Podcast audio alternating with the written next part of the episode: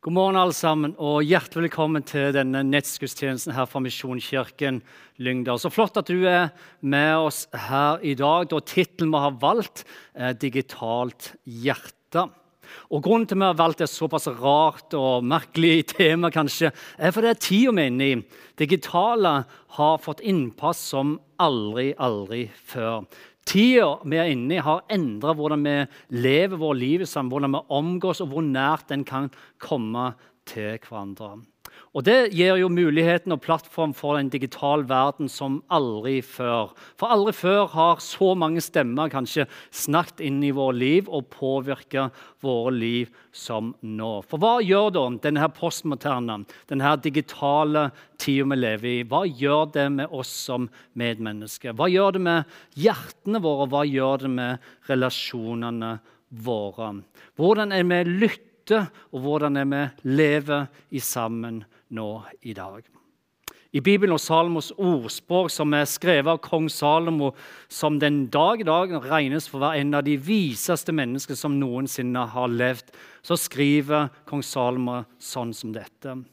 Min sønn, og da mener jeg også min datter. Lytt når jeg taler. Ja, vend øyre til mine ord. Slipp de aldri av syne, men bevar de dypt i ditt hjerte. Og det den vise kong Salomo skriver til oss og skrevet til generasjon etter generasjon i tusener av år, er dette. At det finnes noe som er så verdifullt for livet vårt at vi må passe sånn at vi ikke slipper til masse andre ting, slik at de tar plassen til det som er så verdifullt. Og Hva er det han i grunnen snakker om når han snakker om å beskytte et rom og gi rom til noe? Jo, han snakker først og fremst om visdommen. Og han snakker om gudsnærværet og Guds ledelse i våre liv nå i dag. Og Det er derfor han fortsetter å skrive sånn som dette. Bevar ditt hjerte framfor alt du bevarer. Og Allerede her så ser man setter noe høyere. For det er mye som er bra, det er mye som er fint, men det er noe som er større, noe som er helligere. Og Han snakker om hjertet vårt. Bevar ditt hjerte framfor alt du bevarer, fordi livet går ut ifra det.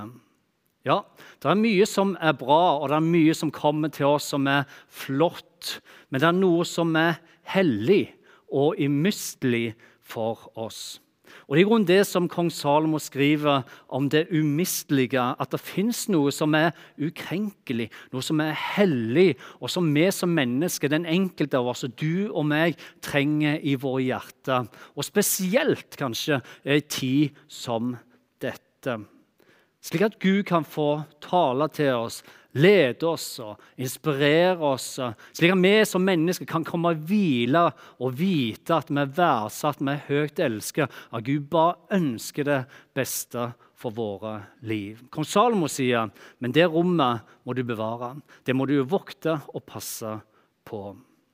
Nå er det ikke sikkert at uh, du visste dette, men en slik twistpakke som dette den inneholder en viss mengde av forskjellige smaker eller forskjellige sorter. Og Sånn som det er, så er det plass til 13 sorter i en slik twistpakke nå i dag.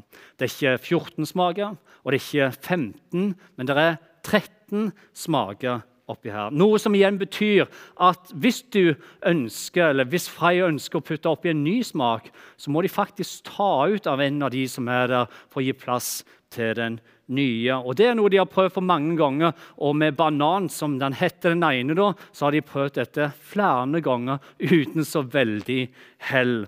Fordi det går ikke så bra i det hele tatt. For som ordtak eller motto der sier at en skal verne om våre favoritter, så skjedde det med bananen. Når de prøvde å ta den ut, så vernte de virkelig om sine favoritter. For de sendte så mye meldinger så mye beskjed om at de ikke kunne kutte ut den. Noe som igjen gjorde at den nye tok de ut igjen og putta tilbake bananen. Og dette har skjedd flere ganger. Og den dag i dag så er banan inni her. Greia er det at det slik som det er med denne, kan vi også tenke oss det er med hjertet vårt. Fordi en må virkelig verne om favorittene nå i dag. En må verne om det livet en virkelig ønsker. I en tvistpose er det begrensninger. Det er ikke 14, nei, det er 13 sorter. Og slik er det i grunn med vårt liv òg. Og slik beskriver Bibelen våre hjerter. Og Jesus han velger å si det sånn som dette her om hjertet vårt. Han sier det, for det hjertet er fullt av, sier han. Med andre ord, det fins en begrensning her. da. Det er et hjerte er fullt av. Med andre ord, det fins noe som kommer opp og ut av hjertet når det er fullt. Ja, det sier munnen. Det lever livet. Og da blir jo spørsmålet videre hvilken favoritt er det som fyller ditt hjerte?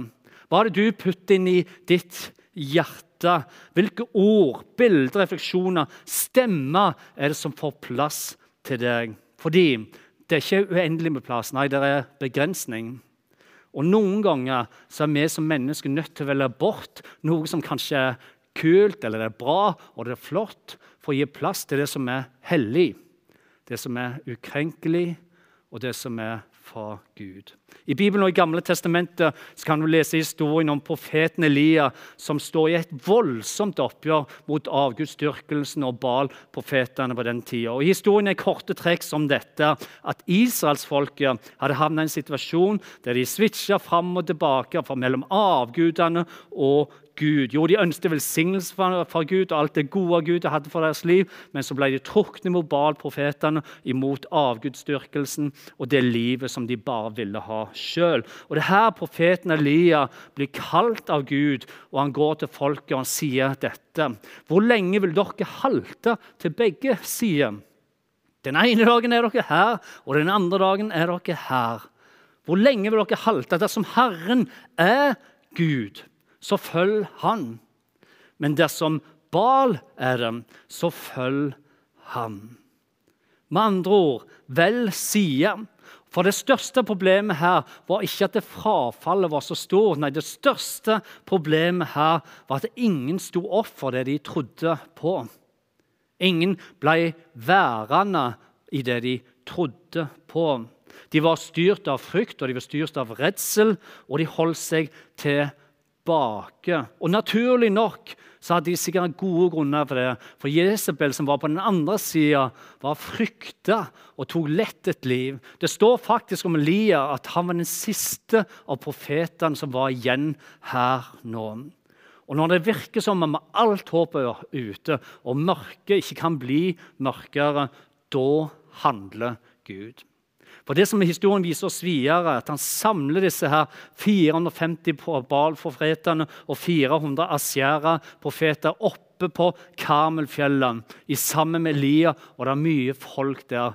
Og det er greia som handler om dette her, at når, En gang for alle så skulle profetene få lov til å vise hvilken Gud som virkelig hersker og regjerte.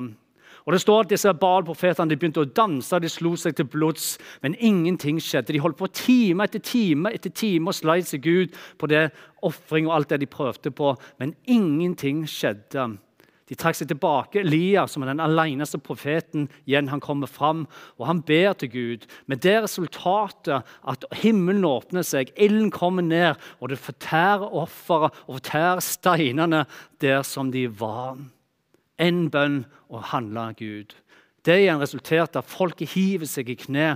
Baal-profetene er på flukt, og Elias står igjen med en fantastisk erfaring der Gud bare viser hvem som er Gud. Og det var her på Karmelfjellet. Det er historien viser oss videre, dette her. At for å gå fra høyden på Karmel, så ikke mange dager seinere ligger Elia ute i ørkenen under en jubelbusk der han ønsker å dø. Og En må spørre seg hva er det som skjer her for noe. Elia, den seieren, og nå ligger du her og ønsker å dø. Det står vi gjør dette her i Bibelen.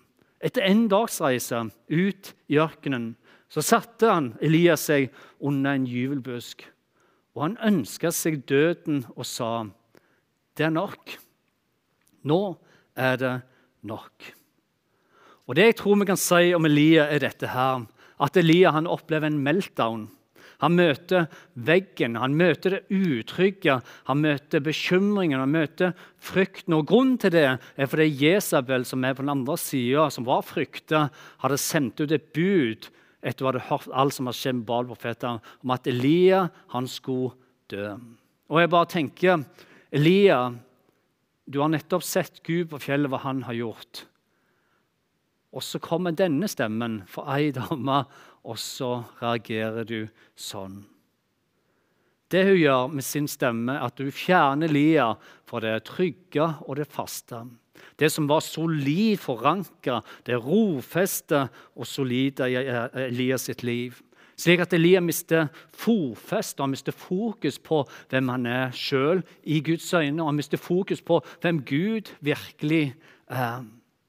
Og Det er her jeg syns forfatteren Petter Egge treffer så godt når han skriver dette.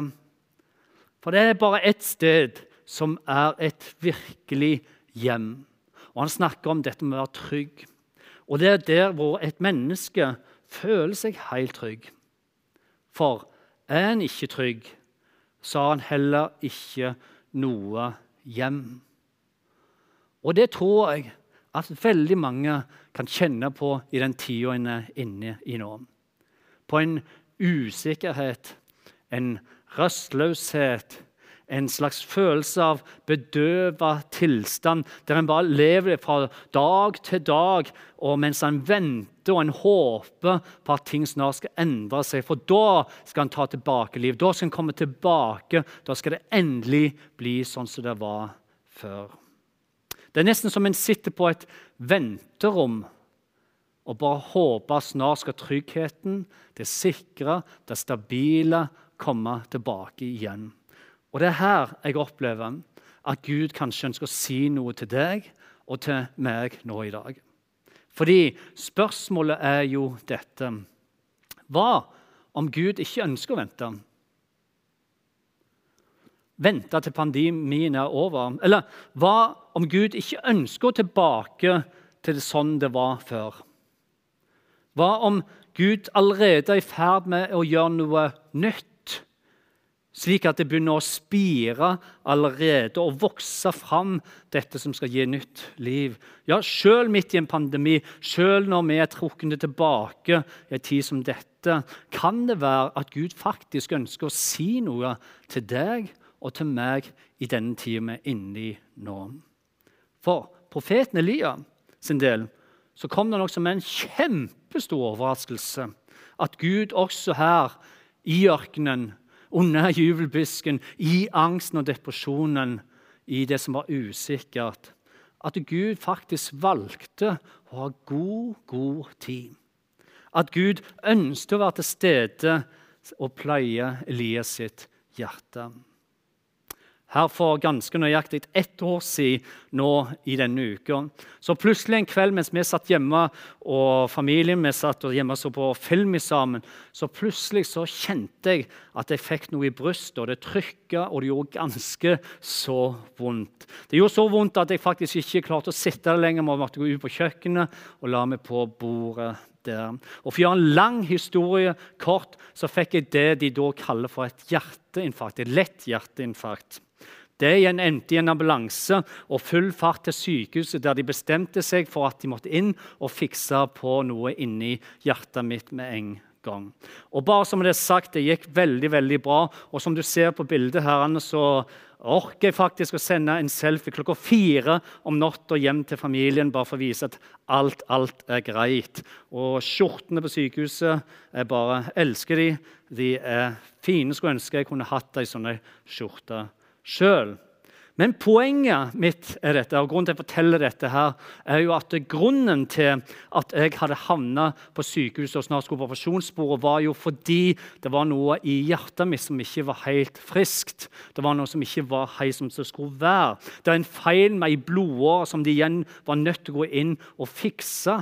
Altså, Jeg måtte gi meg over til noen andre som kunne ta vare på hjertet mitt. Jeg måtte stole på legen og stole på spesialisten, at han visste hva han holdt på med. Slik at blodet igjen skulle få flyte på den rette måten, både inn og ut. Slik at det som skulle inn, det også skulle komme ut. Og Jammen var de flinke, og de fiksa det, og det gikk kjempe, kjempebra. Og jeg var tilbake på jobb igjen to dager etter, så alt ble helt fint. Men jeg kan love deg det, at når jeg var i operasjonssalen, når jeg lå på bordet der, og jeg overga liksom hjertet til en annen da var det ikke likegyldig hvem som skulle inn og rote hjertet mitt. Det er ikke likegyldig når det kom ned til blodpumper og de viktigste tingene. Da hadde det stor betydning at jeg forsto at jeg kunne stole på han, at han hadde erfaring, han visste hva han holdt på med. På samme måte så tenker jeg det med våre hjerter nå i dag. Fordi det burde jo være sånn at en kunne åpne hjertet, at en kunne legge seg ned framfor Gud og stole 100% på at han visste hva som var best for oss. Det er ikke likegyldig hvilke stemmer eller hvem som får lov til å plukke inn i hjertene våre. Det som betyr noe, er at hjertene våre ligger i trygge hender, der erfaringer har gått fra generasjon til generasjon, ja, i tusenvis av år. Vi snakker ikke om hvem som helst, vi snakker om skaperen av alt av liv. Han som har skapt deg i sitt bilde, han som vet hva hjertet ditt trenger til enhver tid. Også i ei tid som dette. I ei tid der vi kan kjenne oss tilbaketrukne og ikke vet helt hvor dette ender. Jesus han sa det sånn som dette. Og Det står i Hebrevet 13 at eh, jeg er i går og i dag den samme. Ja, jeg er det til evig, evig tid. Og hvorfor sier Jesus det? Jo, han sier det for å bringe trygghet. For at du skal kunne stole på at han vet hva han gjør. Han har erfaringer med seg. Du kan gi ditt hjerte 100 over i hans hånd. I Bibelen og Salme 46 så tror jeg at vi kan få lese et ord der som kanskje er til deg, og kanskje det er til meg, og kanskje det er til mange av oss akkurat nå i dag. For der står det dette. Hold opp, og det er Gud som snakker til oss nå i dag. Hold opp og kjenn at jeg er Gud. Eller som det står i en annen oversettelse, stans opp og kjenn at jeg er Gud. Jeg er opphøyd over folkeslag, ja, opphøyd på jorda. Stans og innse fakta. Jeg er Gud. Og kanskje mer enn noen gang så burde vi virkelig respondere på det. Stoppe opp og spørre hvor er min hjerterelasjon i forhold til Gud? For det Gud ber oss om, at vi, og jeg tar den timeouten, at vi stopper opp og våger å gi vår hjerte til Han, slik Han kan få lede oss og vise oss sin hensikt og vår mening med livet. For det fins noe i dag som er viktigere enn alt det andre som er bra. Ja, Det fins mye flott, men det er noe som er ukrenkelig, noe som er hellig, og Gud har det i si hånd. Det er mye som er bra, men det er noe som er hellige, det er noe som er nødvendig, det er noe som er absolutt umistelig, som igjen ikke skal vanæres, men behandles med ærefrykt og respekt fordi det er hellig, og det er fra Gud. Jesus han sier det sjøl sånn som dette. Se på fuglene under himmelen. Hvordan er det med dem? De sår ikke, og de høster ikke, og de samler ikke i hus. Men den far dere har i himmelen, han gir de føde likevel. Er ikke dere mer verdt enn de? Hvem av dere kan vel med all sin bekymring legge en eneste alen til sin livslengde? Nå må dere høre godt etter. For tingen er den at bekymring er en tyv. Den vil stjele ifra deg søvnen om natta, den vil stjele den indre glede, stjele ifra deg kreativiteten din, stjele håp og drømmene dine. Det eneste veksten, frøet, som bekymringer har med seg, det eneste frøet og det eneste veksten bekymring gir, er mer bekymring. Og Det er nøyaktig dette som skjer med Elias idet han i sin usikkerhet, i det utrygge farvannet, er på en plass der han ikke visste hvordan han skulle forholde seg lenger, velger å gå ut i ørkenen. og Han er helt alene, og han er forvirra og fortvila. Da begynner problemet. Og det tok ikke lang tid før den ene etter den andre biten ble tatt fra hans hjerte og erstattet med noe annet. Der tok de bort tryggheten, de tok bort hjemmet hans, de tok bort hvilen, kraften, gleden, troen og kallet over hans liv. De tok det ut, og så erstatta de med løgn, med stress, med krav, med frykt, med angst, depresjon og med motløshet. Thomas Judin, som er forfatter og pastor, som har skrevet utrolig mange flotte bøker som jeg blir veldig glad i. Han skriver noe inn i vår tid og inn i mitt liv og kanskje ditt liv. Og Det er såpass radikalt og det er såpass viktig at dette her burde vært skrevet opp på vegger og speil og dører nesten overalt hvor vi er. Han skriver dette. Du trenger ikke å strekke til. Det holder at du er til. Alt Utover det er bonus. Og sannheten er den at dette her det inviterer en til Guds relasjon. Fordi det handler ikke om våre prestasjoner, det handler om å komme og legge seg ned og bare være, slik at Gud kan få lov til å røre i vårt hjerte, bevege vårt hjerte, hviske inn i vårt liv hvem vi er for Han. Sjødina fortsetter å skrive dette. For også sjelen har iblant behov for å gå i slåbrok, i tøfler og slepe bena etter seg. Og det er dette Elia får erfare. Idet han legger seg ned i ensomheten i ørkenen, og ønsker han seg faktisk å dø. Det er dette han får lov til å erfare, at Gud han er ikke bare en gud på Karmenfjellet når det eksploderer, og det er stort, og det er ild, og det er kraft, og det er mektige ting som skjer. Nei, Gud er ikke bare der når han kan vise seg for masse folk. Nei, Gud han er nede i ensomheten, i mørket, i depresjonen og i angsten. Gud han er en far som kommer til Elia når han ligger ensom og ønsker å dø. For det er Gud, en far som har god, god tid. Så når han sier at vi skal stoppe opp og stanse, så er det fordi at han også ønsker å stoppe opp og stanse med oss. Med hans barn. Og han vet med ånd, sjel og kropp. Det var tross alt han som skapte deg. Så han vet hva han holder på med. Og Det er dette også som gjør at Jesus sier at så lenge vi er her på jorda, og i alt det vi går gjennom, også i ei tid som dette, kan få en fred som overgår vår forstand. Med andre ord, Det er noe overnaturlig som han kan gi til oss. Bare hør hva Jesus sier selv.